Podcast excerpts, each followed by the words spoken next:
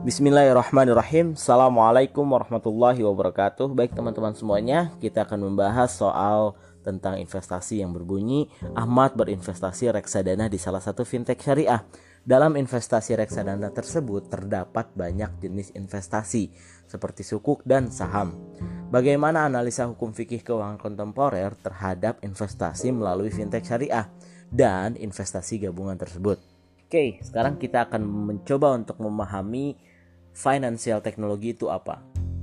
Dijelaskan atau dijabarkan oleh National Digital Research Center yang artinya atau financial technology itu merupakan suatu inovasi di bidang jasa keuangan yang mengacu pada inovasi keuangan dengan sentuhan teknologi modern.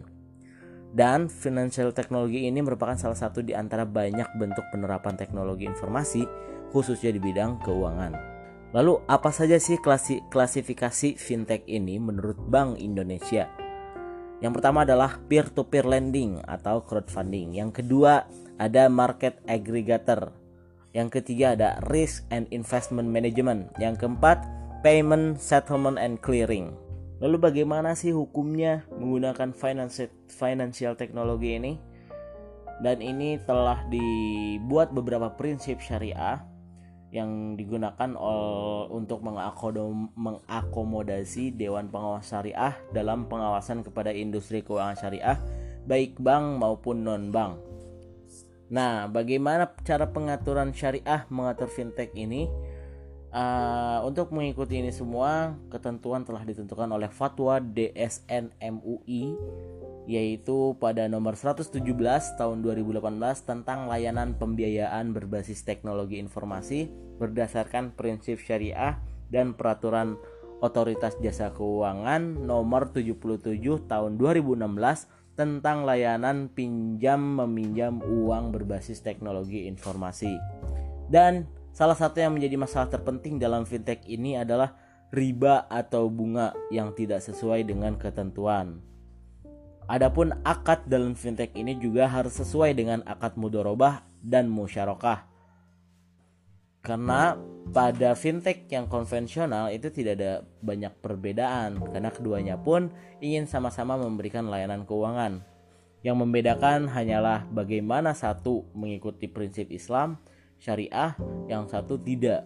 Maka ada tiga prinsip syariah yang harus dimiliki fintech yang berbasis syariah. Yang pertama, tidak boleh ada maisir atau bertaruh. Yang kedua, goror yang pasti atau keti, uh, yang pasti ini tidak tidak akan jelas gitu. Lalu yang terakhir, riba jumlah bunga yang melewati ketetapan syariah.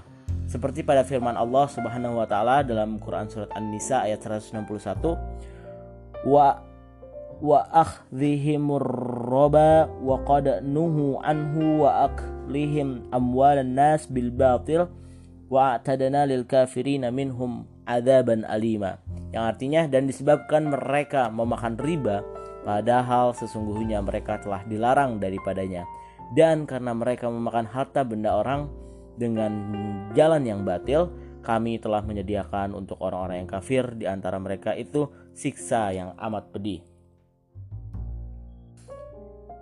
dan rujukan dari DSN MUI sebelumnya pun itu diatur dalam DSN MUI nomor 67 tahun 2008 yang mengatur tentang ketetapan apa saja yang harus diikuti lembaga teknologi keuangan terbaru atau yang gelah diinovasikan di Indonesia.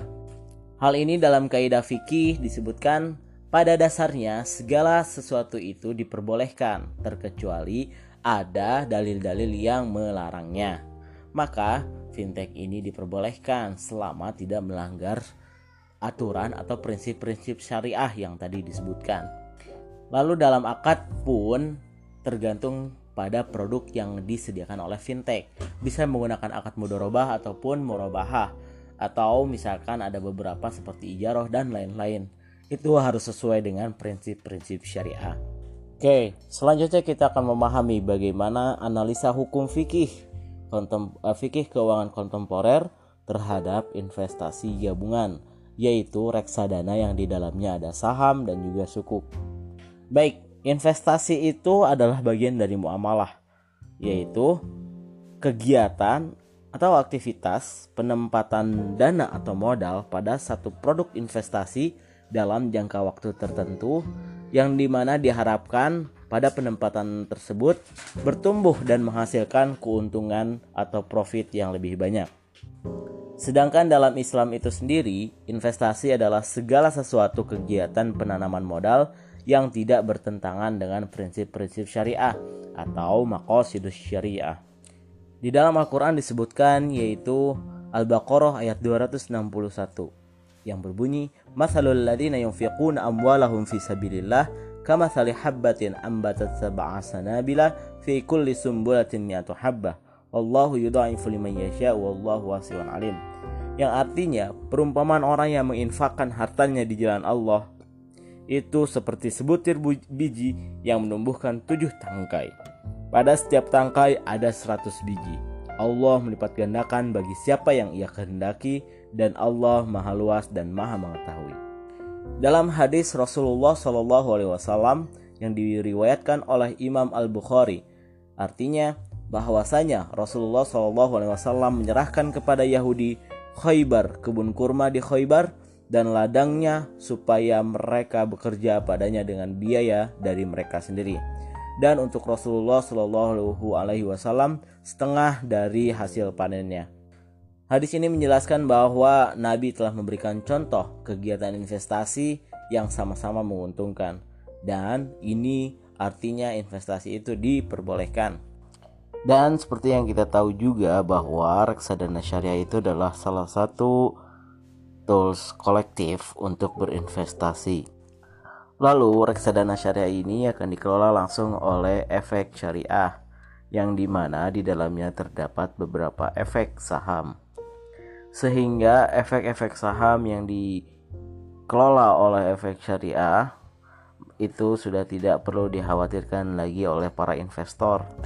Dalam Quran disebutkan ya ayyuhalladzina amanu la ta'kulu amwalakum bil batil illa an takuna tijaratan antaradim minkum yang artinya, "Wahai orang-orang beriman, janganlah kamu memakan harta temanmu dengan cara yang batil, terkecuali kamu melakukan perniagaan dengan temanmu dengan prinsip suka sama suka."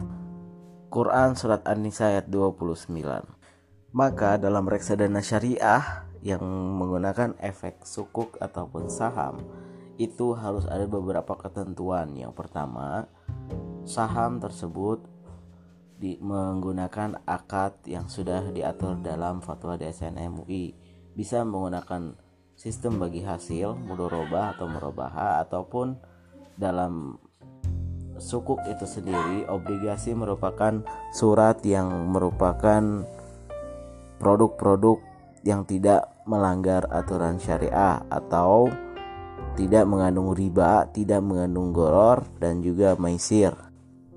Jadi itu yang bisa disampaikan. Terima kasih atas perhatian dan uh, kesempatannya. Assalamualaikum warahmatullahi wabarakatuh.